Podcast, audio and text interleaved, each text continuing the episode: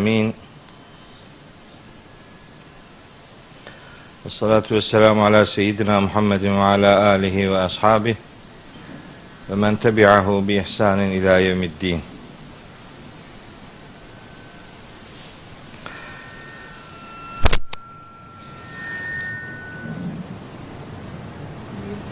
Değerli kardeşlerim, bugün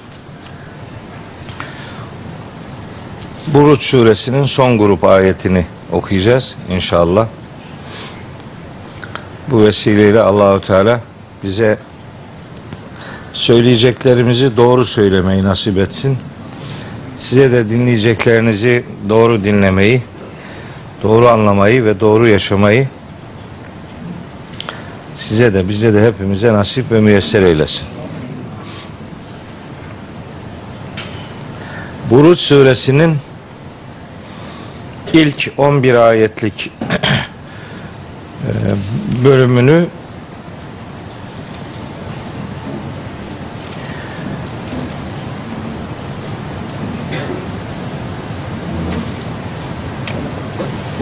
aslında 15 dakikada bitirmek mümkünken biz 3 ders de anca bitirdik.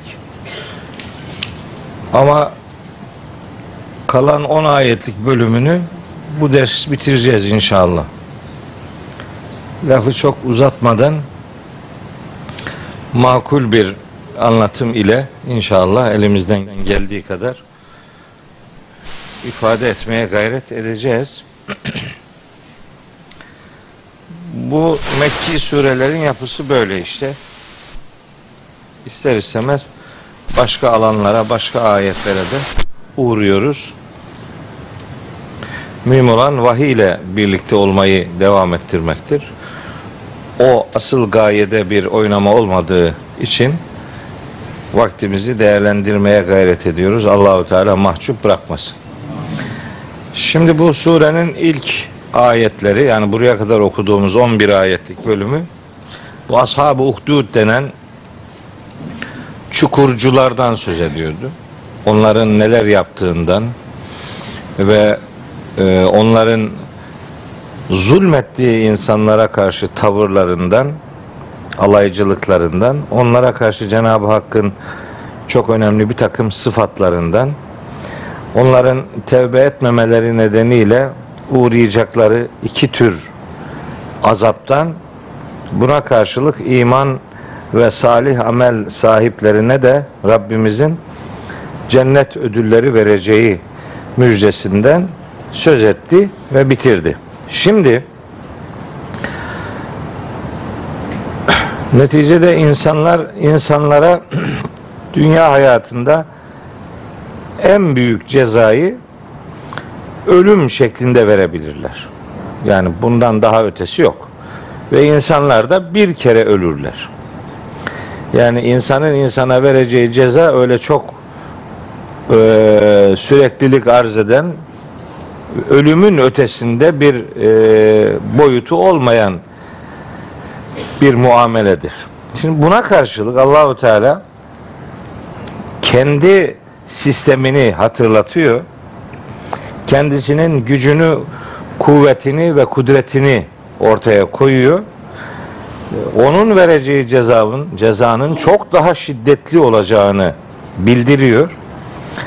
O itibarla önce Rabbimiz kendisinin aziz sıfatını sonra nankörler nankörlük yapsalar da Allahu Teala'nın övgüye layık olması itibariyle Hamid sıfatını sonra her yapılanın ona ayan beyan açık olduğunu ortaya koyan şehit sıfatını, şahit sıfatını ve nihayetinde bütün mahlukatın onun kontrolünde olduğunu gösteren Malik sıfatını böyle dört sıfatı zikrediyor.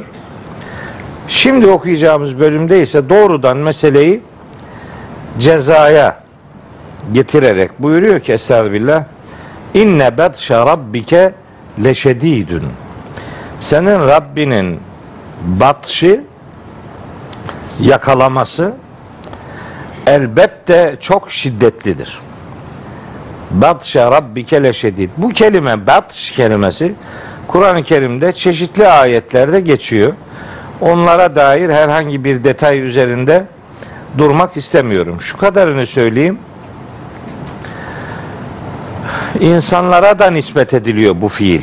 Ve izâ betaştum, betaştum cebbarin diye şu Ara suresinde geçer. Siz de böyle bir takım e, başkalarına eziyet etmek için bir şeyler yapmaya gayret ettiğiniz zaman zorbalık yapıyorsunuz ama sizin neticede gücünüz, kuvvetiniz, kudretiniz Allahu Teala'nın gücünün yanında hiç de bir kıymet ifade etmez diye bir mukayese bir mukayese yapılmasına bile gerek olmadığını ifade eder. Bu ayet inne batşe rabbike leşedid. Şimdi Arapçada böyle cümleler eğer fiil cümlesi değil de isim cümlesi olarak geliyorsa isim cümlesi fiil cümlesine göre daha e, daha güçlü bir mana verir isim cümleleri. Fiil cümlelerine göre. Fiil cümleleri nihayetinde zamana bağımlı cümlelerdir. Yani geçmiş zaman, şimdiki zaman, gelecek zaman gibi ister istemez parçalanabilen bir zaman algısına e, bağlıdır fiil cümleleri. İsim cümleleri ise bu bütün zamanları da içine alacak şekilde daha değerli toplu, daha bütüncül bir mana verir. Buradan hareketle mesela bu cümle inne batşe rabbike leşedidün cümlesi bir defa isim cümlesi. Bir.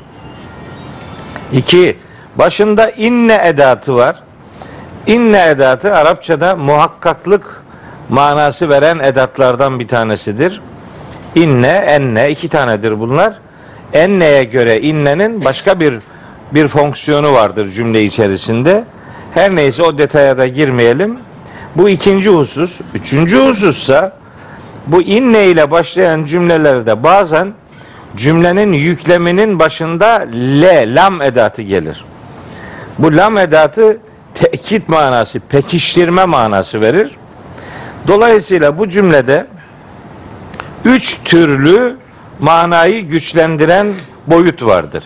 Demek istiyor ki Allahu Teala siz insanlara her ne yapıyor olursanız olun sizinkine göre benim yapacağım, benim yakalamam, benim cezam son derece ağır, son derece şiddetlidir. O kadar ki arada bir mukayese yapmaya bile ihtiyaç yoktur. O kadar berrak, o kadar açıktır ki fark birini öbürüne mukayese etmenin bile alemi yoktur demeye getiriyor. Bu arada çok enteresan batş kelimesi bu yakalamak. Batş ahz kelimesi de var. O da yakalamak demektir. Batş o da yakalamak. Bu batş biraz daha şiddetli yakalama manası verir. Ahaze kelimesine göre biraz daha e, şeydir. Yoğun bir manası vardır. Şimdi bu batş kelimesi Rab kelimesiyle beraber kullanılıyor. Aslında beklenirdi ki inne batşallahi dese.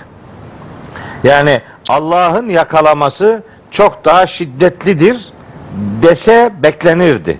Ama demiyor. Bu Mekke dönemi surelerinin çok önemli ayırıcı bir özelliğidir. Mekke dönemi surelerinde Allahü Teala kendisine dair bildirimlerini genellikle yüzde yüz değil, hepsi değil ama yani çok net bir şekilde fark ediliyor ki Rabbimiz kendisini Mekke dönemi surelerinin hele ki bu ilk örneklerinde Rab sıfatıyla tanıtır. İşte elhamdülillahi Rabbil alemin. İkra bismi Rabbike. İkra ve Rabbuke diye böyle Rab sıfatı daha bir öndedir. Bunun birkaç tane sebebi var. Kurban keserken Bismillahirrahmanirrahim denmez. Ee, Bismillahirrahmanirrahim denmez. Bismillah Allahu Ekber denir. Niye? Onun sebebi var. Sebebi şu. Hem kesme işlemi yapılır hem de Allah'ın Rahman ve Rahim merhamet sıfatı eyleme uygun değildir yani. Yapılan iş böyle bir merhamet göstergesi içermez. Onun için Bismillahirrahmanirrahim denmez de Bismillah Allahu Ekber denilir. Orada keserken. Yani acıyarak kesiyorum numarası yapmanın bir alemi yok. Allah emrettiği için onun emrine boyun eğiyorum. Yüce olan Rabbimin emri gereği bunu yapıyorum diye Bismillah Allahu Ekber denir. o hatta o mantık şeyde de vardır. Tevbe suresinin başında da vardır. Tevbe suresinin başında besmele yoktur. Onun besmelesiz başlamasının sebebi denir ki Tevbe suresi Enfal suresinin devamıdır. Onun için onun başında besmele yoktur. Bu doğru olamaz. Çünkü Enfal suresinin konularıyla Tevbe suresinin konuları birbirinin devamı olacak konular değiller. Yani Enfal suresi Bedir Savaşı ile alakalı bilgi içerir büyük oranda. Tevbe suresinin ise Bedir'le hiçbir alakası yoktur. Orada besmele bulunmamasının sebebi birinci, üçüncü ve beşinci ayetlerindeki hitaplardır. Birinci ayeti beraetün diye başlar. Üçüncü ayeti ezanun diye başlar. Ezanun son duyuru demektir. Beraetün son ihtar, uyarı demektir. Beşinci ayet ise bu size savaş açmış olan müşrikleri bulduğunuz yerde öldürün diye seyf ayetidir o. Kılıç. Yani seyf kelimesi tabi Kur'an-ı Kerim'de geçmez de o ayetin adı öyle verilmiş yani seyf ayeti. O ayet pek çok ayeti de kesen ayet diye sunulur. Ayet ayeti kesmez. Orada bir sıkıntı var. Nesih diye bir şey var. Nasih mensuh. Ha, işte o Tevbe suresi 5. ayetin Kur'an-ı Kerim'de tam 75 tane ayeti neshettiğine inanılır. Bunu bu doğru değil tabi. Böyle bir şeyi asla kabul etmeyiz. Şimdi 3 ayetinde ultimatom, uyarı, öldürme manalarına gelen bilgilendirmeler varken öyle bir surenin başında Rahman ve Rahim olan Allah'ın adıyla diye bir cümle olmaz. Orada Rahmanlık, Rahimlik değil. Orada uyarı var, ultimatom var, böyle bir savaş ortamı var. Nihayetinde orada Besmele Tevbe suresinin başında bu sebeple yoktur. Niye bunları söylüyorum? Burada da inne batşe rabbike derken Allahu Teala muhataplarına yine onların da Rabbi olduğunu ve eğer tevbe ederlerse Allahu Teala'nın onları da sahipleneceğini kendilerine bildirmek üzere ayette Rab sıfatı Mekke dönemi surelerinin genel karakteristiği olarak Rab sıfatı onun için zikredilir. Bir taraftan Hazreti Peygamber'e ve müminlere moral verilir. Yani siz sahipsiz değilsiniz. Bir taraftan karşıtlarına, müşriklere gözdağı verilir. Onlar yani müminler sahipsiz değillerdir. Onlarla uğraşıyorsanız hedefinizde Allah vardır. Manasını onlara benimsetme arzusu vardır. Diğer taraftan da bir insan bir insana zalimlik yapıyorsa bilsin ki mazlumun Rabbi vardır. Ona karşı böyle bir fitne fücur içerisine girmenin faturası olacaktır, sonuçları olacaktır. O manalar hep bu Rab sıfatının mana dünyasında vardır ama daha öncelikli olanı hala bu zalimlerin de tevbe etmesinin beklendiği mesajı verilmek istenir. Yani Rabbinin batışı çok şiddetlidir.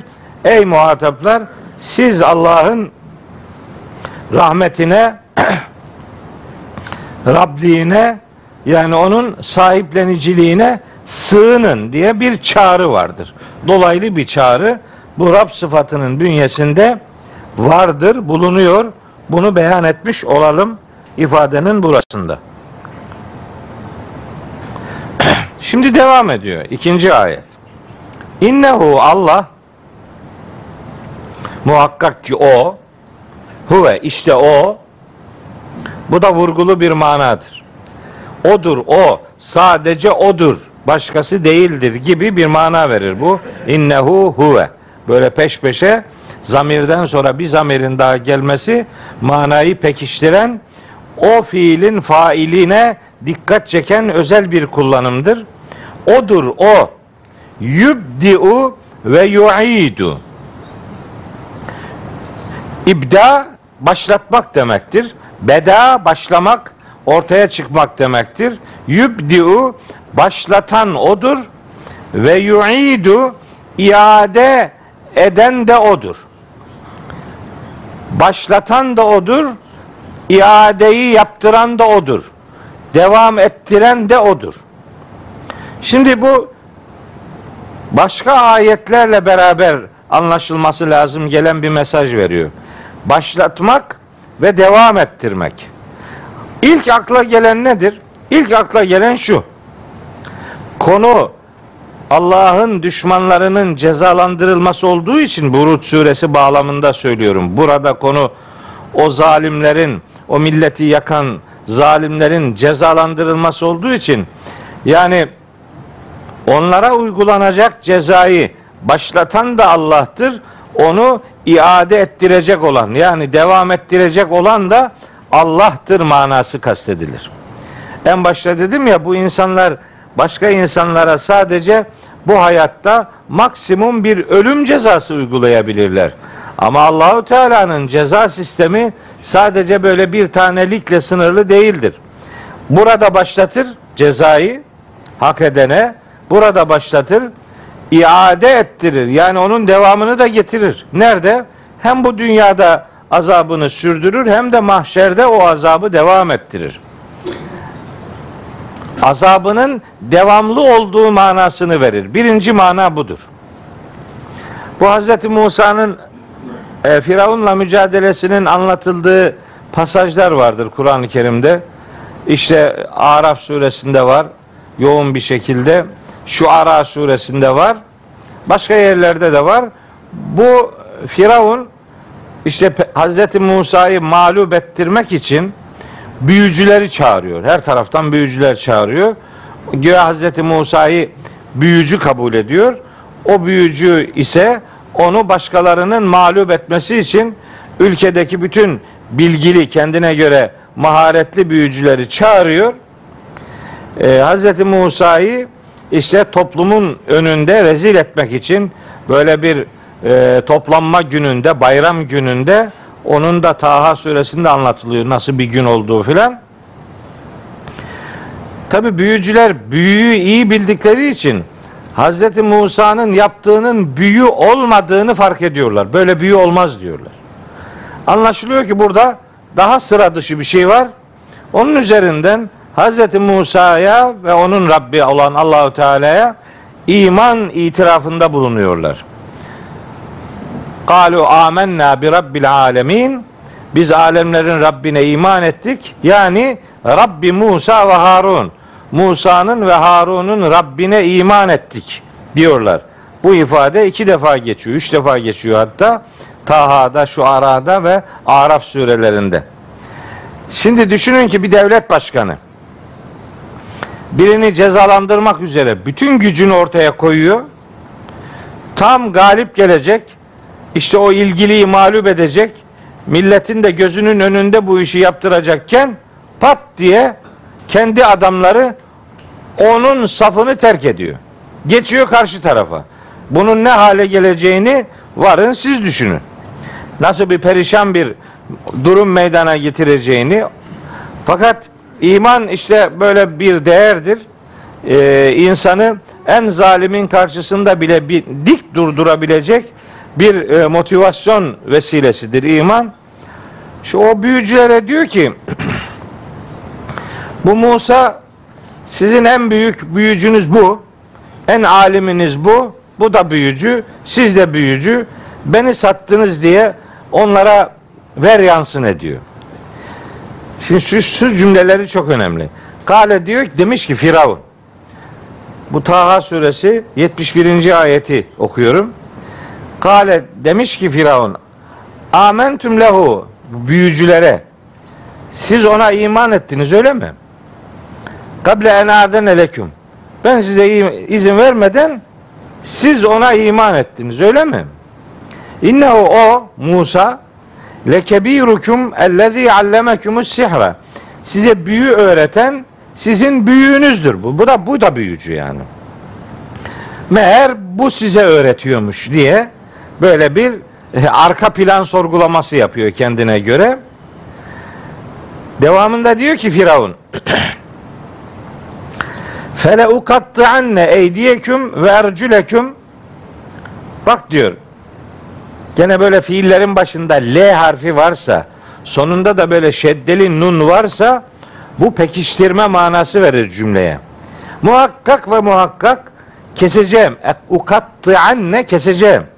Neyi kesecek? Eydiyeküm ellerinizi, kollarınızı ve ercüleküm ve bacaklarınızı keseceğim diyor.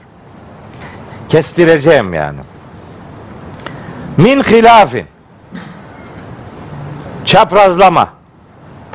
Elleri ve bacakları çaprazlama. O min hilafını çaprazla çapraz kesmek diye algılıyorlar. Ben o kanaatte değilim. Oradaki e, yani çapraz kesecek de ne olacak yani? Zaten adam e, düz kessen de aynı ceza oluyor yani. Pa- pa- çapraz olsa ne olacak? Zaten öldürüyor. Ölüm cezası veriyor. Buradaki min hilafin döneklik demektir. Muhalefetinizden dolayı beni sattınız ya. Dönekliğinizden dolayı sizin kollarınızı, bacaklarınızı keseceğim diyor. Kestireceğim. Yetmedi. Ve le usallibenneküm sizi asacağım. Fi cüzû'in nakli hurma dalına asacağım sizi ibreten, ibreten lil alemin.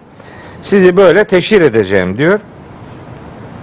Ondan sonra ve le ta'lemunne yine muhakkak bileceksiniz, anlayacaksınız. Eyyuna eşeddu azaben ve ebqa. Hangimizin azabının daha şiddetli ve daha kalıcı olduğunu anlayacaksınız diye büyücülere böyle veryansın ediyor. Tabi karizması çizildi. Kolay değil ki bunu nasıl yutacak yani. Bayağı sıkıntıya düştüğü fark ediliyor. Şimdi buna karşı büyücülerin bir sözü var. Ben şimdi burayı onun için okudum. 72. ayette diyor ki büyücüler demişler ki kalu len nü'sirake bak seni asla ve asla tercih etmeyeceğiz. Şimdi gene Arapçadaki bu len edatı çok önemli bir edattır. Len.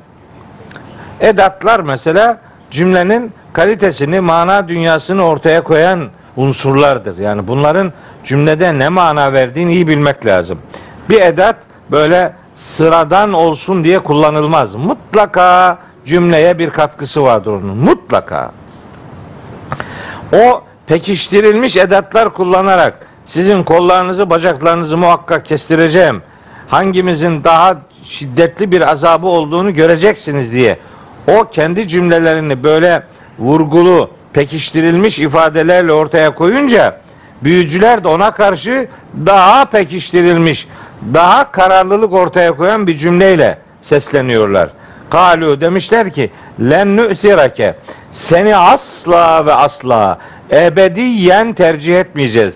Yani bizi tehdit ediyorsun. Zannetme ki tehdidinden korkarak iddiamızdan, inancımızdan vazgeçeceğiz. Yok öyle bir şey.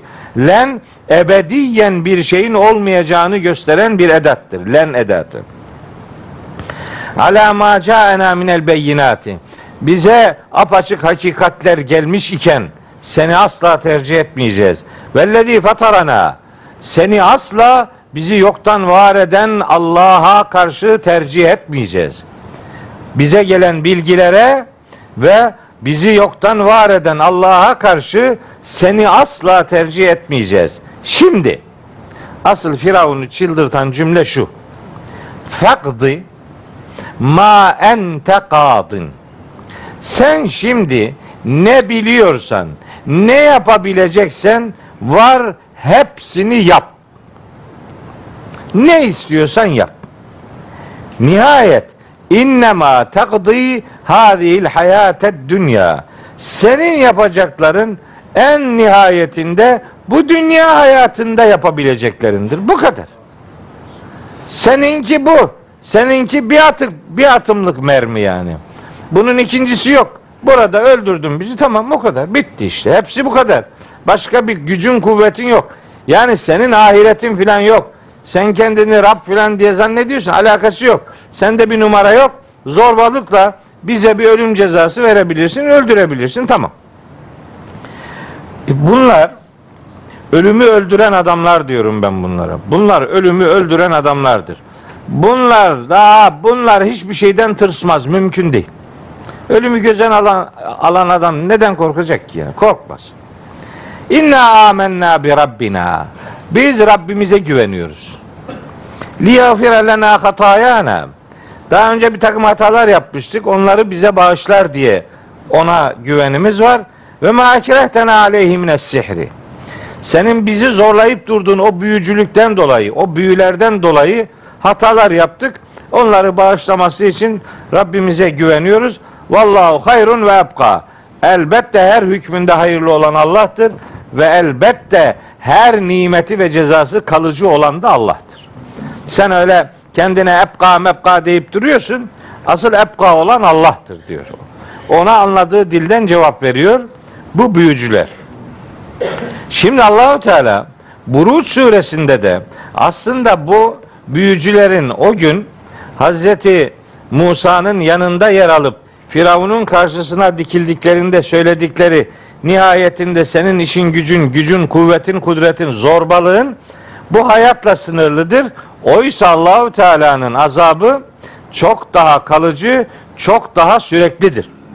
İşte bu ayette yübdiu ve yu'idu azabı başlatan da o olur ve onu iade ettirecek olan da odur. Bir defalık geçici bir azap değil, sürekli ve ebedi bir azabın sahibi Allah'tır manası bu 13. ayette kastedilen birinci manadır. Fakat biz bu ayeti bağımsız da düşünebiliriz. Yani bağlamın içerisinde değil de daha bir bağımsız, daha bir müstakil mana veren e, mahiyette de düşünebiliriz. Öyle olduğunda Rum suresinin 27. ayetini hatırlarız. Müstakil bir okuma. Bununla ilgili başka Yunus suresinde filan ayetler var. Rum suresinde daha ilerleyen ayetlerde de mealler var. O o bağlamda Cenab-ı Hakk'ın mutlak yaratıcılığına yaratmayı bu alemde başlatanın o olduğuna yaratmayı bu alemde sürdürenin de o olduğuna dair beyanlar var. Şimdi mesela bakın. Ve huvellezî yebde'ul halqa sümme yu'iduhu.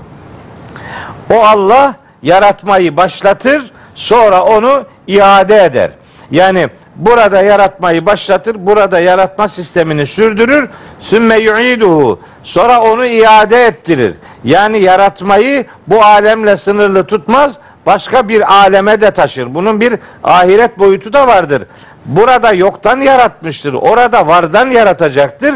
Onun için ve huve ehvenu aleyhi. Ahirette yaratmak ona daha kolaydır. Bu bir şey değil. Yani burada yaratıcının Allah olduğuna inanıyorsan öbür alemde Allahü Teala'nın yaratıcı olduğuna haydi haydi inanman lazım. Burası yoktan var etmeye dayalı bir alem. Orası vardan var etmeye, vardan dönüştürmeye dair bir alemdir. Onun için orada yaratmak burada yaratmaya göre daha kolaydır diyor. Rum suresi 27. ayette. Mesela gene Rum suresinin 16. şey 11. ayetinde Allahu yebdeul halqa sümme yu'iduhu. Yaratmayı Allah başlatır, sonra iadeyi o yapar. Sümme ileyhi turcaun. Nihayetinde hepiniz ona döndürüleceksiniz. Bu hem dünyanın hem mahşerin yaratıcısının Allah olduğu bilgisini verir. Mesela Yunus suresi 34. ayet. Kul de ki hel min şirekâiküm ortaklarınız var mı sizin? Men yebdeul halqa sümme yu'idu Yaratmayı kim başlatıyor? Sonra iadesini kim yapıyor? Bu noktada yani Allah'a rakip gösterebileceğiniz kimse var mı? Yok. Kulillahu yebdeul halqa sümme yu'idu. Yaratmayı başlatan da odur, iadesini yapan da odur. Yunus suresi 34. ayet. Mesela bir ayet daha söyleyeyim size. Ankebut suresinin 19. ayeti. Diyor ki Allahu Teala evelem yarav hiç görmüyorlar mı? Neden bakmıyorlar? İbret nazarıyla niye bir bakış atmıyorlar? Keyfe yubdiullahul halqa sümme yu'id. Keyfe yubdiullahul halqa sümme yu'idu. Allahu Teala'nın yaratmayı nasıl başlattığı, sonra onu nasıl iade etmekte olduğunu neden düşünmüyorlar bu adamlar? Yani bu alemde Allahu Teala yaratmayı başlattı. Öyle kitabı mukaddeste dendiği gibi yaratmayı başladı, istirahata çekildi. Öyle bir şey yok. Yaratma bir aşamalılık süreci halinde devam ediyor ve Allahu Teala o yaratmanın her aşamasında da yaratıcı sıfatını daima muhafaza ediyor. Burada yaratmayı başlattı. Aşama aşama yaratırken gene yaratıcı odur. Yoktan var etti ve kenara çekildi değil. Sistemi kurdu. Sistemin her aşamasında gene yaratıcı odur. İnne zâlike alallahi yesir. Bu yaratmayı başlatmak ve onu iade ettirmek neticede Allah'a kolay bir iştir bu iş. Kul de ki bu da 20. ayet Ankebut suresinin. De ki siru fil ardı. Yeryüzünde gidin yolculuk yapın gezin bakın. Fenzuru iyi iyi nazar edin. Keyfe bede el halqa. Yaratmayı nasıl başlatmış Allahu Teala? Bir bakın. Sümme yunşiullahu neşetel ahire sonra da Allah bir başka yaratılış olarak ahirette insanları yeniden bir alemin muhatabı kılacaktır. Bu alemde her an ölüm ve dirilme vardır bu alemde. Her an var. Bakarsanız görürsünüz diyor Allahu Teala. Değil mi? Yasin'de var ya ölü toprak insanlar için bir delildir. Diriltiyoruz onu. Ve ayetun lehumul ardul meyte. Ölü toprak onlar için bir delildir. Ahyeynaha onu diriltiyoruz. Her an bir dirilme, bir ölüm ve bir dirilme olayı yaşanıyor zaten. Değil mi işte? Bir bakıyorsun geçen hafta bugün Samsun'da işte burada da öyle miydi bilmiyorum. Bir acayip bir sıcak vardı. 29 derece sıcak vardı Samsun'da. Yani böyle bunaltıcı bir sıcak. Yani böyle Nisan'ın başında Mart'ın sonunda böyle sıcak olmaz dedik. Ondan sonra ah ertesi gün yani pazar günü 29 derece sıcak vardı. Pazartesi günü pat 12 dereceye düştü. Tam hasta olma havaları. Yani böyle bir baktım ki millet gevşedi. Üstünü başını açtı filan. İyi yarın da öyle devam et görürsün dünyanı yani. Yani bulutların ölülmesi, ölmesi ve dirilmesi yaşanıyor. Her an bir ölüm ve dirilme her an bütün hücrelerimizde de böyle. Hücrelerimiz de sürekli yenileniyor. Yani bir adam bir işi aynı hücrelerle iki kere yapamaz. O her an değişiyor. Hani derler ya bir adam bir nehre iki defa giremez diye. Filozofların sözü bu. Bir an bir adam aynı nehre iki defa giremez. Niye? O birinci girdiği su gitti. Şimdi ikinci girdiğinde başka bir suya giriyor yani.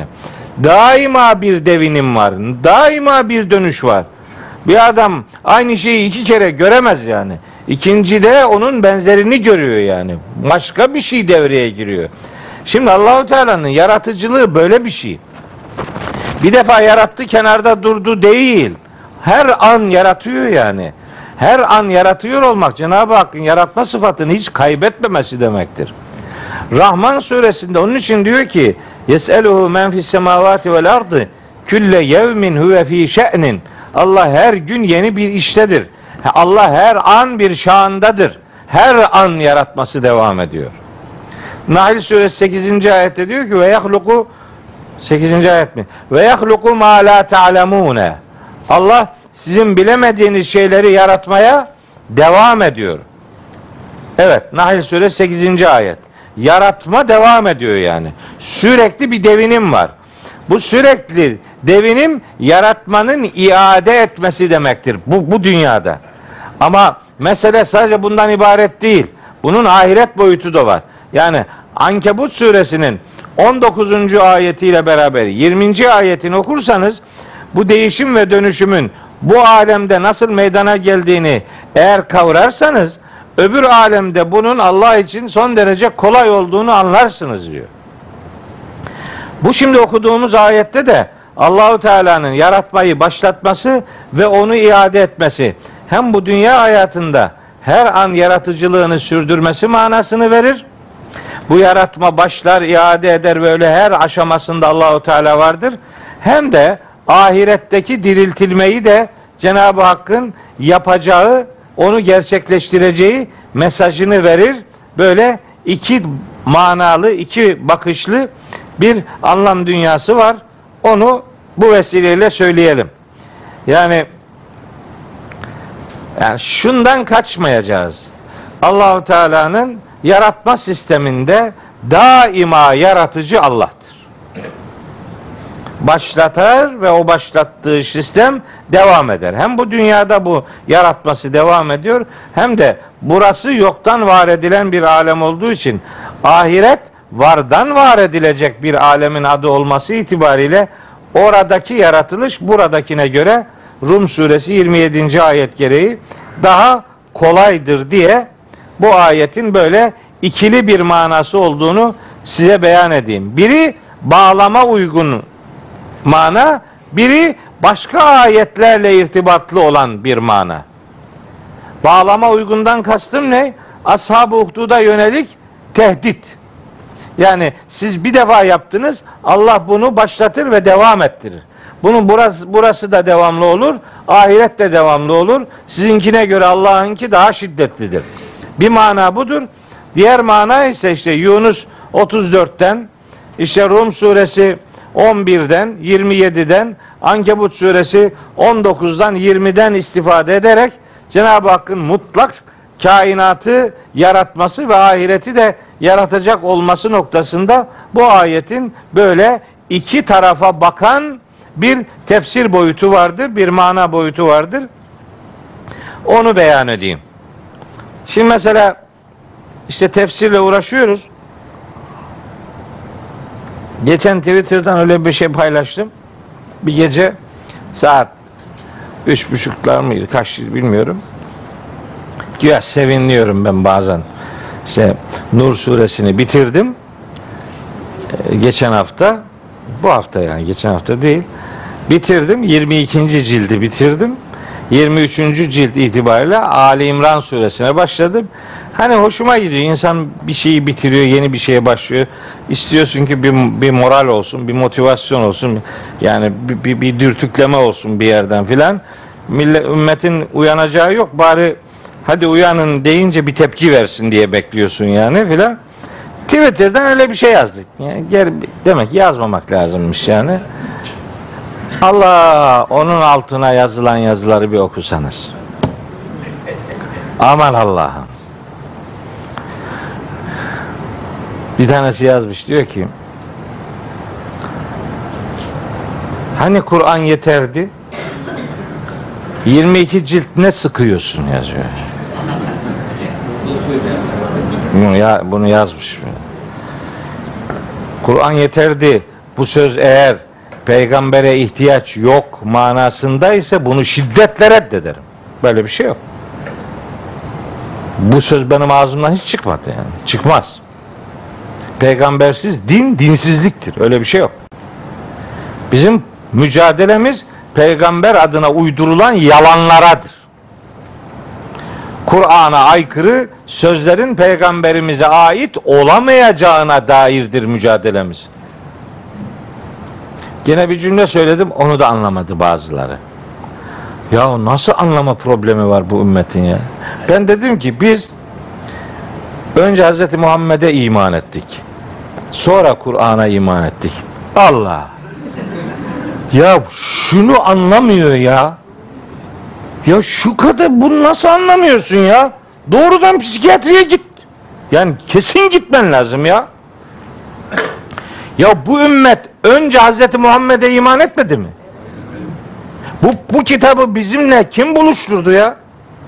Bu beşer olarak Hz. Muhammed'in ağzından dökülmedi mi ilk defa? Bu ümmet sahabiler ilk defa Hz. Muhammed'e iman etmedi mi? Allah'ım ya Rabbi ya, ya şunu anlamıyor ya. Şimdi biz ne yapıyoruz? O gün iman ettiğimiz ümmet olarak kastım o. ümmet olarak o gün iman ettiğimiz Hz. Muhammed'in peygamberliğine bugün Kur'an'ı okuyarak şahit oluyoruz. Yani bu ümmetin Hz. Muhammed'le bir problemi varsa o ümmet değildir zaten. Öyle bir şey yok. Kaldık sıkıntıya ya. Biri bir taraftan öyle öbürü bir taraftan böyle. Hiç ummuyorsun bu böyle anlamaz diyorsun falan aman. Yani korkunç bir şekilde bir, bir dezenformasyon var yani adam yani bu olmaz. Ne olursa olsun bir karşı çıkalım diyor. Böyle yıkılıyor işte ortalık. Evet bu düştü. Ümmeti Muhammed Hasan. Öyle öyle kıt kanaat tutturursan öyle olur işte. Ne yapayım ben ya? Sallanmayacak mıyım ben ya? Ben zaten sinirli adamım. Az damarıma bastı mı benim her tarafım sallanır. Öyle ellerim değil yani. Bu, bak oralar da sallanıyor. Yok öyle bir şey yok. Yok. Fatih. Ha buraya koy ya. Cebime koy. Ha. Cebime cebime. Ulan cebime koy. Allah'ım ya Rabbi ya. Ha. Tamam. Tamam bak adam öyle anlıyor gördün mü? İstemem yan cebime koy işte yani. Onu da yazıyor biliyor musun ya? Vallahi onu da yazıyor. Diyor ki bak diyor tefsirinin reklamını yapıyor diyor satmak için yapıyor onu. Kişi alemi kendisi gibi bilirmiş. Demek ki onun böyle ağzını açmasıyla menfaat devşirmesi onun şeyi yani hamuru yani. O öyle. Bizim öyle bir dünyamız yok. Bilen bilir. Be kardeşim herkesi kendin gibi zannetme. Öyle değil bu bu. Bu kardeşinizin öyle bir dünyası olmadı hiç. Kusura bakmayın ya. Yok. Ha niye tefsir böyle fazla oluyor? Burada konuşuyorum. Hele ki inne batşe o batş kelimesiyle alakalı Kur'an'ın kullanımlarından hiç söz etmedim. Eğer ben onları anlatsaydım yevme nebtışul batşetel kübra o ayete bir girseydim burada saatlerce konuşacaktık. Niye? Bura Kur'an'ın bakın her bir kelimesinin başka ayetlerle organik bağı vardır. Kur'an'ın bu özelliğini bilmeyen bu zihinlerdir bu, bu sözleri ortaya koyanlar. İnnehu yubdiu ve yu'idu. Kaç tane ayet okudum. Bu ayetlerle bu ayetin birbiriyle anlam irtibatı var. Biz biz hiçbir zaman Allah'ın kitabını kendimize göre yorumluyor değiliz. Öyle bir şey yok. Tefsir bu değildir. Tefsir nedir? Tefsir Allah kitabını kendisi açıkladı. Biz bunu kendisinin açıkladığını biz biliyoruz. Nerede? Hud suresi birinci ayet. O kadar. Hiç uzatmaya gerek yok. Yani onu ben bilmiyorum da sen mi biliyorsun yani? Ben bunu biliyorum. Allahu Teala diyor ki bu kitabı açıkladım ben. Ben açıkladım diyor. Her hükmünde hikmetli olan ve her şeyden haberdar olan Allah tarafından açıklandı bu kitap diyor. Hatta Fussilet diye müstakil bir sure var. 41. sure. Onun 3. ayetiyle 44. ayeti doğrudan bunu anlatır. Kur'an'ın bir sıfatı el-mübindir. El-mübin. El-mübin kelimesinin tek anlamı olduğu varsayılır. Hayır. El-mübin evet apaçık manasına gelir ama el-mübin kelimesinin birinci anlamı o değildir. El-mübin kelimesinin birinci anlamı açıklayıcı demektir. El-mübin açıklayıcı yani el-mübeyyin demektir. Sonra açıklayıcılığının sonrasında Kur'an-ı Kerim mübindir, apaçıktır yani. Kur'an'ın mübeyyin ayetleri vardır, mübeyyen ayetleri vardır. Kur'an'ın müfessir ayetleri vardır, müfesser ayetleri vardır. Kur'an'ın mufassıl ayetleri vardır, mufassal ayetleri vardır. Tabi adam ismi fail, ismi mefulün ne olduğunu bilmediği için mübeyyin, mübeyyen ne demek de anlamıyor onu tabi yani. Kur'an bizim yaptığımız ne biliyor musunuz? Bu neye çıkıyor 22, 23, 25, 30 cilt? Niye? Niye? Bunun için çıkıyor işte. Hangi ayet hangi ayetle açıklanıyor? Her bir ayetin Kur'an'da açıklaması var. Bu bir ayet bazen başka bir ayetle açıklanır. Bir ayet bazen yüz ayetle açıklanır. Bizim yaptığımız hangi ayetin hangi ayetle irtibatlı olduğunu ortaya koymaktır. Sonra Allahu Teala bu noktada bize kopya da vermiş. Birbirini açıklayan ayetlerde ya aynı kelimeleri kullanmış ya kökü aynı olan kelimeleri kullanmış ya da yakın manalar veren kelimeleri kullanmış. İşte biz oradan hareketle hangi ayet hangi ayetle beraber düşünülürse burada Kur'an şunu demek istiyoru elde edebiliriz. Ya bu işte. Başka bir şey değil. He? 23'e geldik ya. 5 sene, 5,5 sene oldu. 23'e geldik. 27'de bitecek inşallah. Bu sene inşallah yazın iyi çalışacağım.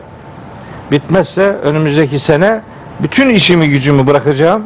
Her meşguliyeti bırakacağım önümüzdeki sene. Yani her şeyi bırakacağım. Allah ömür verirse tefsiri bitireceğim. Yani 2019 Allah ömür verirse 2019'un sonunda bu tefsiri bitirmiş olacağım inşallah. Yani bu yaz bir yoluna koydum koydum koyamadım. Önümüzdeki sene hiç başka hiçbir iş yapmayacağım. Kapanacağım odaya böyle saatlerce, günlerce, aylarca çalışacağım inşallah. Oradan da sizin duanızı bekliyorum. Şimdiden başlayın dua etmeye. Evet. Medine sureleri hızlı gidecek zannediyordum. Hiç hızlı gitmiyor. Bu Nur suresinin 35. ayetiyle günlerce uğraştım. Günlerce. O Nur ayeti var. Aman Allah'ım. Nereden bakarsan başka bir tarafa gidiyor. Hangi kelimeyi tutsan seni başka bir aleme götürüyor. Nasıl bitecek yani? Bir günde bitmez. Ali İmran suresinin 7. ayeti üzerinde tam 4 gün uğraştım. Bitmedi. Bitmedi işte yani. Bu böyle bir iş. Niye? Her kelimeyi Kur'an'ın kullandığı bağlamlara giderek anlamaya çalışıyorsunuz. Önünüze gerçekten devasa bir alem çıkıyor ya. Muhteşem bir şey. Şimdi düşünün. Size bir ayet söyleyeyim. Bak iki tane tercüme söyleyeyim size. Bir ayetle ilgili. İki tane tercüme. Bir tercümeye göre durum başka. Öbür tercümeye göre durum bambaşka. Allah gökleri direksiz yarattı. Nitekim siz de görüyorsunuz. Ne oldu? Demek ki Allah bu sistemi, semavatı Rahat suresinin ikinci ayetiyle Lokman suresinin onuncu ayeti. İki tane bunlar Kur'an-ı Kerim'de. Bak iki tane yani. İkisini beraber anlaman gerekiyor yani. E Allah gökleri direkler olmadan yarattı, yükseltti. Nitekim görüyorsunuz. Yok işte yani. Halakas semavati bi gayri amedin teravnaha. Şimdi buna göre ne var şimdi ne ne diyeceğiz? Fazla bir şey dememize gerek yok ki. Demek ki direkt yokmuş. Daha da yapacak bir şey yok. Yok direkt yok dedi. Allah yok dediyse daha bir şey var mı yani? Yok. Ama o ayetin bir tercümesi daha var. Ve o tercümede çok önemli bir e, detay var. Ne kadar önemli biliyor musunuz? Gramere de asıl uygun olan bu ikinci yapacağım tercümedir. Birinci tercüme yanlış değil. Birinci tercüme de doğru ama daha doğru olan ikincisi.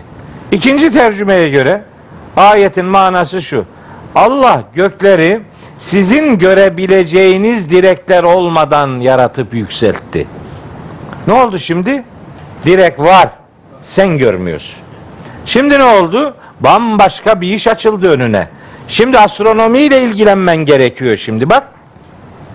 Şimdi laboratuvarlar kurman gerekiyormuş. Şimdi başka işler yapacaksın.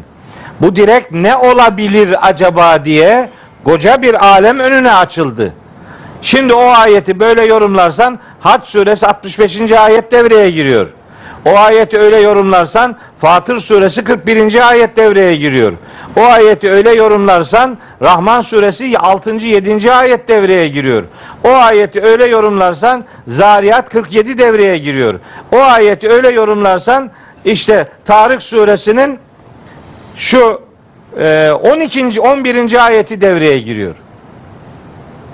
Bu Kur'an'ın metninden kaynaklanıyor bu iş arkadaş. Eski alimler bir taraftan baktılar Allah hepsine rahmet etsin ama tamamı değil bu. Kur'an tarihsel bir metin değil.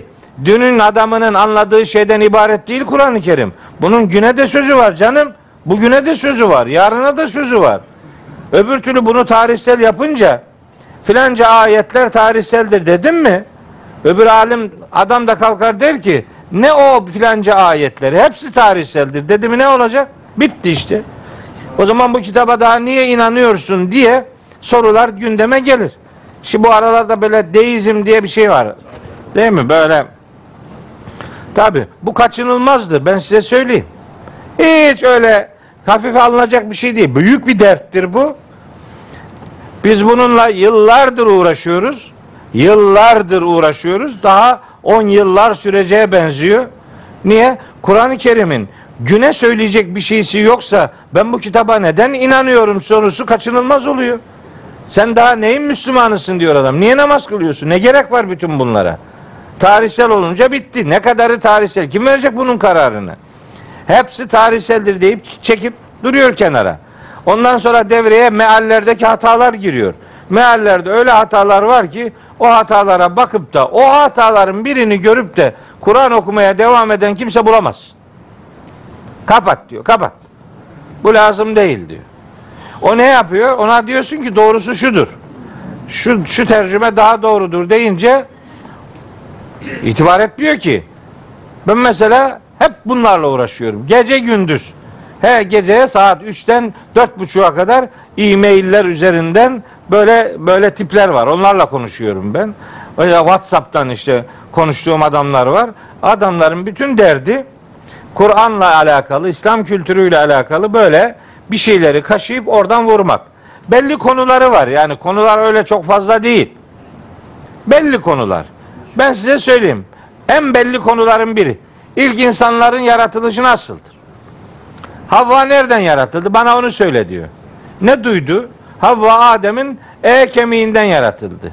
Bunda ne var? Bunda bir sorun yok. Nasıl yok? En büyük sorun orada işte. Eğer Adem'den yaratıldıysa Adem kendi parçasıyla evlenmiş olacak. Yetmiyor mu? Bundan daha büyük sorun olur mu? Sen bunu kabul ediyorsan yarın enseste nasıl e, karşı çıkacaksın? Ne ne diyeceksin mesela? Adem'in çocukları çaprazlama birbiriyle evlendi. Geç oradan be. Ne çaprazlaması yani? Allah bir Adem yarattı, bir tane daha yaratamadı. Öyle mi? Mecbur kardeşleri evlendirdi. Sonra da getir buraya de ki süt iki defa süt emdiyse onlar kardeştir. Ebediyen birbiriyle evlenemez. Ne oldu? O hüküm tarihseldi. Buraya geliyor bu da diyor bu da tarihseldir geç. Ben de deist oldum. Oh en rahatladım diyor. Bak. Bak yeminle söylüyorum. Bak yeminle söylüyorum. Böyle bir nakil değil bu sözüm. Nakletmiyorum. Duyum değil. Birebir yaşadığım. Benim Samsun'daki ilahiyattaki odam hemen her gün bu tür diyaloglara sahne oluyor, şahit oluyor. Başörtülü kız. İmam Hatip mezunu kız. Dahasını söyleyeyim. İlahiyatta okuyan kız başörtülü olduğuma bakma. Hocam ben ateistim diyor. Ya adam diyor ki o bizim evden uzak olsun. Yemezler. Bugün uzaktır, yarın sizin evin içine girecek bu. Sen bu sorulardan kaçarsan, sen bu akıl ve mantığın kabul etmeyeceği şeyleri Kur'an'a fatura edip de Allah böyle diyor dersen bu yara, bu yangın seni de yakalayacak haberin olsun. Bugün olmasa yarın yakalayacak. Burada olmazsa başka bir yerde yakalayacak. Öyle eskiden olduğu gibi hoca dediyse bir bildiği vardır. İşte kafanı salla munis bir görüntü ver. Geçti o iş geçti. Öyle bir şey yok. Bir şey diyor musun? Bana delilini söyle diyor. Bana referansını göster. Referans göstermek de yetmiyor. Beni ikna et diyor beni. Sorularım var. Bana cevap ver. Akıllı hocalar ne yapıyor? Bu soru sana ödevdir. Git kendini hazırla. Daha bak. Tabii en zeki hocalar böyledir. Altından kalkamayacağı bir soruyu duyunca bu soru sana ödevdir. Haftaya bunu senden bekliyorum der. Çok uyanık. Şimdiki çocuklar yemez bunları yemez. İnterneti yasaklamak çare değil. Yasaklayamazsın zaten. Şimdi herkes her bilgiye telefon kadar yakındır. Tak düğmesine basar, önüne her bilgi gelir. Sen bundan anlamazsın. Deme zamanı geçti. Yok öyle bir şey yok. Sen anlıyorsun o niye anlamıyor? Eğer beni anlamaz diye nitelendiriyorsan ben anlamadığım dinde bulunmam deyip çekip gidiyor işte. İlan edenlerin sayısı oranı yüzde e, neyi e, yüzde kaç? O orta dereceli okullarda e, deist olduğunu, deist ve ateist olduğunu itiraf edenlerin oranı yüzde 22 civarında. İlan söyleyebilenin oranı bu. Bunun bir de söyleyemeyen kısmını düşünün, fecaati görürsünüz. Öyle ben çocuğu ilahiyata gönderdim tamam. İmam Hatip'e gönderdim tamam. Kur'an kursuna gönderdim tamam. Yok öyle bir şey yok. Takip edecek bu çocukların zihinlerindeki soruları cevaplayacağız. Mecburuz buna. Yoksa elimizin avucumuzun içinden bu çocuklar patır kütür kayıp gidecek. Kadercilik en büyük sorunlardan biri bu. Bana böyle her gelenden duyduğum beş tane ana konu var. Hemen hemen hepsi bunları söylüyor.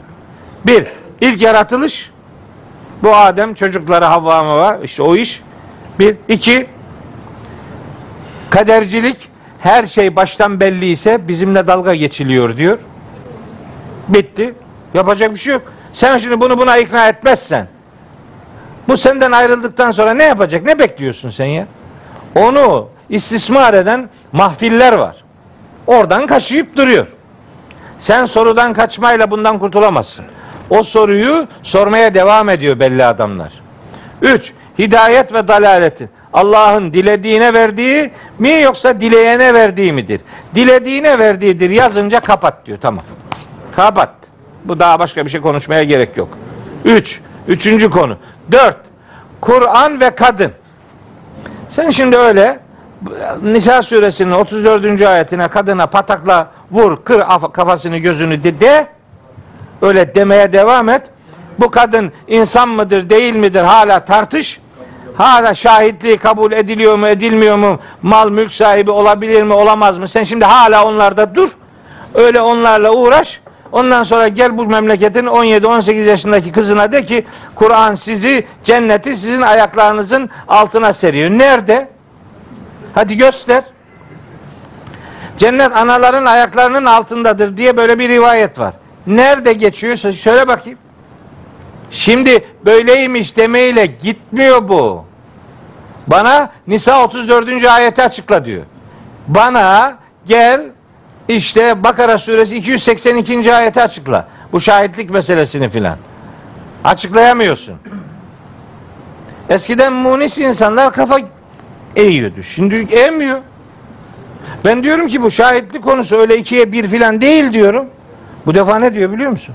Bu kadercilik öyle senin zannettiğin gibi değil. Bunun Kur'an'da karşılığı şudur diyorum. Bu hidayet dalalet meseleleri öyle değil, şöyledir diyorum. Bu ilk insanların yaratılışı, ilk çoğalmalar öyle değil, şöyledir diyorum. Adam bana diyor ki, çocuklar mesela. Bunu bu kadar zamandır kimse bilemedi de bir sen mi bildin? Şimdi mesela biz bunları söyleyince ilk tepkiyi kendi arkadaşlarımızdan aldığımız için yani bu derdi dert diye e, dert diye bilip hani bunun üzerine gidelim deyince ilk tepkiyi yanı başımızdaki arkadaştan alıyoruz. Sana mı kaldı diyor bu? Hiç kimse bilemedi sen mi bildin? Bu ayetin meali öyle değil şöyledir deyince diyor ki al Diyanetin meali şöyle. Ne yapacaksın şimdi? Yani kendimiz beraber ayakta duralım dediğimiz dediğimiz popülasyon henüz ayakta değil. Hazreti Peygamber'in aile hayatı. Ver cevabı bakayım. Hazreti Ayşe ile 9 yaşında efendim fiilen evlilik yaşadı. Hadi anlat bunu bakayım şimdi anlat. Sen şimdi de ki Araplarda öyleydi, o gün öyleydi, bugün böyleydi. Yemezler. Sen bu Peygamberimiz Hazreti Ayşe ile 9 yaşında evlendi. Bak bunu hüküm cümlesi olarak ortaya koydum mu bitirdim bu işi arkadaş. Bunu öyle tarihseldi, mariseldi, yöreseldi filan bilmem ne bunları yutmuyor artık. Geç bu işi. Ondan sonra sübyancılık bilmem ne edebiyatı aldı başını gidiyor. Ne zorumuz var ya? Allah'ın kitabında olmayan bir meseleyi dinin bir parçasıymış gibi niye savunuyoruz arkadaş ya? Hazreti Peygamber'in Hazreti Zeynep'le evlenir, evlenmez. Al başına bir dert daha. Ya o Ahzab suresinde anlatılıyor. Ya ya Allah'ını seversen ya şu Ahzab suresinin 36, 37, 38, 39. ayetlerini okurken bu surenin ilk 5 5 ayetini de bir oku be. Bir oku da bak ki oradaki konu ne ya? Yok. Hazreti Peygamber Hazreti Zeynep'i bir gün çamaşır yıkarken böyle hafif elbiselerle görmüş. Allah bu ne büyük güzellik ya Rabbi kalbime mukayyet ol demiş. Hazreti Zeynep de akşam Zeyd kocası eve gelince demiş ki Resulullah geldi bugün beni böyle gördü ve böyle dedi. Eyvah dedi o zaman bu bizim hanıma göz koydu. Ben seni boşuyorum git onun ol. Ya ayıp bir şey be. Vallahi billahi tallahi yalan bu ya. Şuna bak ya. Yazıyor kitapta. Yazıyorsa yazıyor. Allah'ın kitabında yazmıyor bu. İnsanların sözlerini Allah'ın sözü gibi kakalamanın bir alemi yok ya. Adamın görüşünü din diye satıyorsun bana ya. Filanca zamanda verilmiş bir fetva. O adamın görüşü, onun görüşü bana ne ya? Kültür başka bir şeydir, din bambaşka bir şeydir ya. Şuna bak ya, uğraştığımız şeylere bak. Senin için sen ben buna inanmıyorum deyip geçebilirsin ama bu milletin çocuklarına bunu yutturamazsın. Gitti işte ya. Korkunç bir bozulma var. Bildiğiniz gibi değil yani. Herkes kendi evinde ne olup bittiğini az buçuk biliyor. Alemi kendi evi gibi zannediyor. Öyle değil. Yangın var, yangın. Yangın var. Her taraf yanıyor. Billahi yanıyor yani. Bu yangın gelecek, her evi bulacak. Haberiniz olsun. Haberiniz olsun. Öyle o cep telefonu var ya. Onda her şey var. Çekiliyor odaya. Ne yaptığı belli değil. Kiminle konuşuyor? Kiminle ne konuşuyor? Hangi sitelere giriyor? Kimlerle diyaloğu var? Sen çocuğuna sorduğu sorularda cevap vermezsen o cevapların istediği gibi verildiği bir takım mahfiller var. O mahfiller kaçınılmaz. Onları istismar ediyor. E, Allah'a hamdolsun ki önümüzde bozulmamış Kur'an-ı Kerim var. Ya şuna sahip çıkıp da bunun üzerinden bu soruları cevaplama imkanımız gün gibi aşikar ortada dururken şimdi ben yıllardır, 10 yıllardır Allah'ın kitabını anlatmaya çalışıyorum. Benim de hatalarım olur. Tabii ben de insanım. Ne demek yani böyle hatasızlık diye bir iddiamız asla yok. Ama nihayetinde şu aklı, mantığı, izanı devre dışı bırakabilecek, Kur'an'dan referansı olmayan bir takım algıları din gibi sunabilecek bir hata yapmamaya özen gösteriyoruz. Yani kültürde olan şeyleri din gibi kabul edip bunları ölümüne savunmanın bir alemi yok arkadaş. Umarım umarım vakit çok geçmeden bu ümmet neyin ne olduğunu fark eder ve bu hakikatlerle yüzleşerek alınması gereken tedbiri alır. Almazsa, almazsa 10 sene sonrası asla tahayyül dahi edemeyeceğiniz kadar bozuktur. Görürsünüz. İyi gitmiyor. Hocam Cumhurbaşkanı bir siz, sizleri göreve çağırmıştı bir konuda. Bu konuyla mı ilgili? Evet. Tabi aynı konu. Daha daha değişik şeyler var. Yani bunu görmemek mümkün değil ya. Devleti idare edenler de bunu görecek. Buna yönelik tedbir alacak. Bunun çaresi yok. Ya siz buna şahitsiniz. Ben yıllardır söylüyorum. Din Allah'ın kitabı Kur'an'dır. Kur'an'a aykırı bir söz hangi kitapta yazarsa yazsın bizim için kabul edilemez. Bıktık usandık bu cümleyi söylemekten. Ama bunu söyleyince ilk tepkiyi kimden alıyoruz biliyor musun? Kendi arkadaşlarımızdan. Kendi meslektaşlarımızdan. Sen şimdi ne demek istiyorsun? Sen şimdi peygambere ihtiyaç yok mu demek istiyorsun? Öyle diyenin canı cehenneme olsun. Öyle diyen yok. İftira edip durma. Öyle bir şey demiyoruz biz. Ama yalanlarını, herzelerini peygamberin ağzına dayatarak o demediği halde demiş gibi sunanlarladır bizim mücadelemiz. Başka başka ne mücadelemiz olur ya? Bir adamın Hazreti Peygamberle problemi varsa onun Kur'an diye bir davası olamaz. Olamaz. Uyanıklık yapmanın bir alemi yok. Kur'an dışında diğer kitaplarda korunmuştur. Korunmamıştır. Yok öyle bir şey. Diğer kitaplarda korundu. Yok canım hangisi korundu? Kim korundu? Neyi korundu? Kaç sene geçti o kitaplar yazıldığında peygamberimizin vefatından? 200 sene, 250 sene. Ne korundu? Neydi o arada? Nasıl korundu? Kimde, kimin elinde bir ispatı var? Senin korundu dediğin kitaplar başka, öbürünün korundu dedikleri bambaşka, diğer bir grubu o hatten başka. Kiminkine esas alacağız? Bu ümmetin vahdetini sağlayacak olan şey Kur'an'dır. Diğer kitaplar değil. Bunun peşinde, bunun etrafında toplandığın kurtulursun. Vahdeti sağlarsın.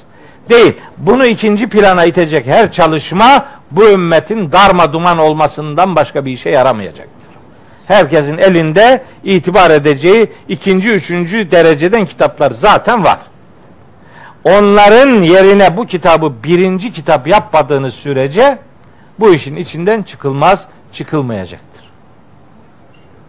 Eh, yanılmak, yanılayım diye dua edeyim. Ama yanılmayacağım gün gibi aşikar. Yok öyle bir şey. Bu, bu böyle. Bu kitapta buluşacağız. Başka çıkar yolu yok. Elhamdülillah kitabımızın başına bir iş gelmedi. Bu kitabı esas aldıktan sonra başka başka ne okursan oku canım. Hadisler istediğin kadar oku. Ama bunu eğer iyi biliyorsan hangi hadisin peygamberimize ait olduğunu, hangisinin uydurma olduğunu anlarsın be. Anlarsın ya. Yalanda keramet aramaya gerek yok. Yalan yalandır. Arapça söylenince yalan doğru olmaz. Arapça kitapta yazıldı diye bir yalan yalanlıktan kurtulmaz. Yalansa yalan bu. Ama onun yalan olduğuna karar verebilmek için bir hakeme ihtiyacın var. İşte o hakem bu. Bunun etrafında toplanmak diye bir ödevimiz var kardeşim ya. Yapma be. Yapma ya. Kur'an'ı görmezlikten gelme gözünü seveyim. Bariyerler ördün Kur'an'la arana haberin yok. Bir sürü barikatlar var. Kur'an'a ulaşılamıyor. Başkalarının kanaatleri din diye satılıyor. Ondan sonra milletin çocukları dinsiz oluyor. Dinden çıkıyor. Beni ilgilendirmez. Nasıl dersin ya? Canı cehennemeymiş. Canı cehenneme. Onu oraya iten adam senin de canın cehenneme gidecek. Haberin yok. Tarih şahittir. Bu salonlar şahittir. Yaklaşık 20 yıldır bunları söylüyorum. 20 yıldır. Yemediğim tehdit, almadığım hakaret, uğramadığım perişanlık kalmadı. Ama canıma minnet olsun. Allah'ın kitabının izzeti hatırına canıma minnet olsun. Hakikat gün gelecek, herkesin dilinde dökülecek. Ama dilerim o gün iş işten geçmiş olmaz. Tam zamanı yeniden Kur'an'la buluşmanın tam zamanı. Her şeye Kur'an'dan bakabilmenin tam zamanı. Kur'an'dan bak, Kur'an sana başka şeyler de okutacak merak etme. Sadece beni oku başka bir şey oku demeyecek sana. Ama okuduğun şeylerin hangisinin doğru, hangisinin yanlış olduğunu Kur'an'ı okuduktan sonra kararlaştırabileceksin. Yoksa yoksa yok işte çıkmaz sokak gözünü seveyim. Birbirimizi suçlayarak bir yere varamayız. Birbirimizi anlamaya gayret etmek. Birbirimizin ağzından hakikatin dökülebileceği ihtimalinden hareket etmek mecburiyetindeyiz. Selam verdiğin insanları cennette hayal etmeyi becereceksin kardeşim. Herkes birbirinin cehennemi değil, herkes birbirinin cenneti olsun be. Ben selamı öyle tarif ediyorum. Selam kardeşini cennette hayal etmektir. Gel birbirimizin cenneti olalım, cehennemi olmayalım. Çoluk çocuk elimizden avucumuzdan gitmesin kardeşim. So- Sonra bu ateş sadece evini değil, yüreğini yakacak haberin olsun. Sadece burada yanmayacaksın. Öbür alemde yanacaksın. Haberin olsun. Beni ilgilendirmez sözü orada para etmeyecek. Haberin olsun. Evet.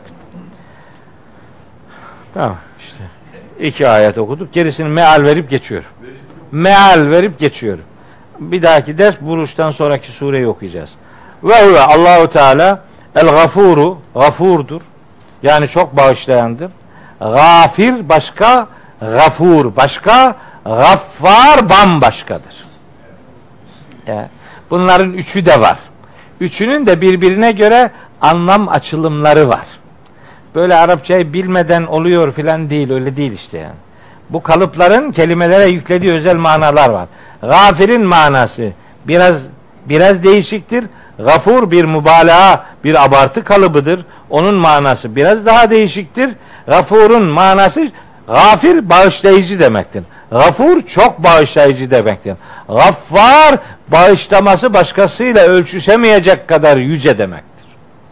Bunlar birbiri peşi sıra dizilen mübalağa kalıplarıdır. İyi bilmek lazım bunları. Elvedud. Hadi bak. Şimdi elvedud. Tercüme et git. Olmaz. Nasıl ben bunu tercüme edip de geçemem yani. Elvedud çok sevendir, sevginin kaynağıdır. Vedud meveddet kelimesiyle aynı köktendir.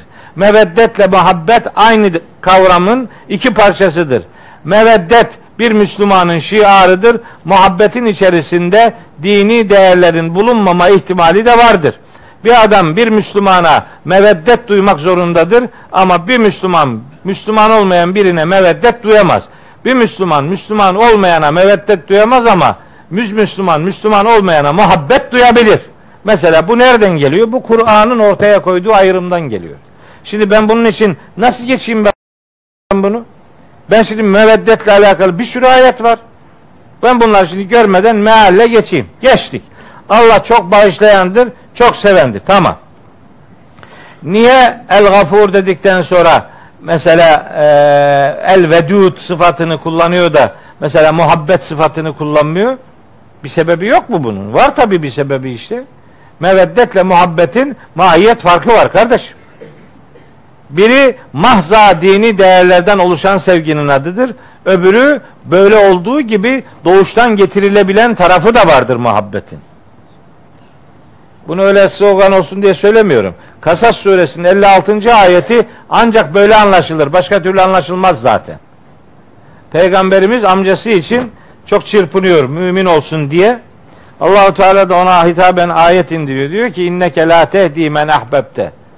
Sen senin sevdiğine, muhabbet duyduğuna hidayet edemezsin. Velakin Allah yehdi men yeşâv. Ancak Allah dileyene hidayet eder. İsteyene hidayet eder. Sen seviyorsun diye sadece senin seviyor olman hidayet için yeterli değildir. Peyg- Peygamberimiz kimi seviyor? Müslüman olmayan bir yakınını. Müslüman olmayan bir yakınını sevebilir mi bir adam? Sevebilir. Kasas 56 onun delilidir. Ama Müslüman biri, Müslüman olmayan bir yakınını veya uzağına meveddet besleyemez. Bu yasaktır. Niye? Mümtehine suresi doğrudan bunu anlatıyor. Gideceksin eve Mümtehine suresinin birinci, ikinci, üçüncü, dördüncü, beşinci, altıncı, yedi, sekiz ve dokuzuncu ayetleri okuyacaksın. Burayla alakalıdır. Ama illa bu bir daha gelir önümüze bu meveddet o zaman orada konuşuruz. Öbür sıfatı Allahu Teala'nın Zül Arşi El Mecidu.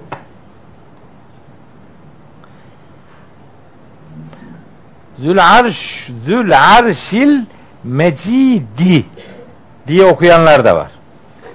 El Mecidi bir hareke var ya hareke. El Mecidi denince mana değişir. El Mecidu denirse mana değişir. El Mecid kelimesi eğer Allahu Teala'nın sıfatıysa El Mecidu diye okumak zorundasın. El Mecidi diye okursan arşın sıfatı olur. Yüce arşın sahibidir manası ikincide devreye girer. Birincide ise Zül arşi arşın sahibidir. El Mecidü kendisi yücedir. El Mecidi diye okursan da bunu gene Allah'ın sıfatı yapabilirsin. Nasıl yaparsın? İşte gramer devreye giriyor. Yapacağım bir şey yok. Daha önce geçen Rab kelimesinin ilişkilisi olarak kabul edersen El Mecidi diye okuyup Allah'ın sıfatı olarak da görebilirsin. Bak tefsir bunun için gerekli.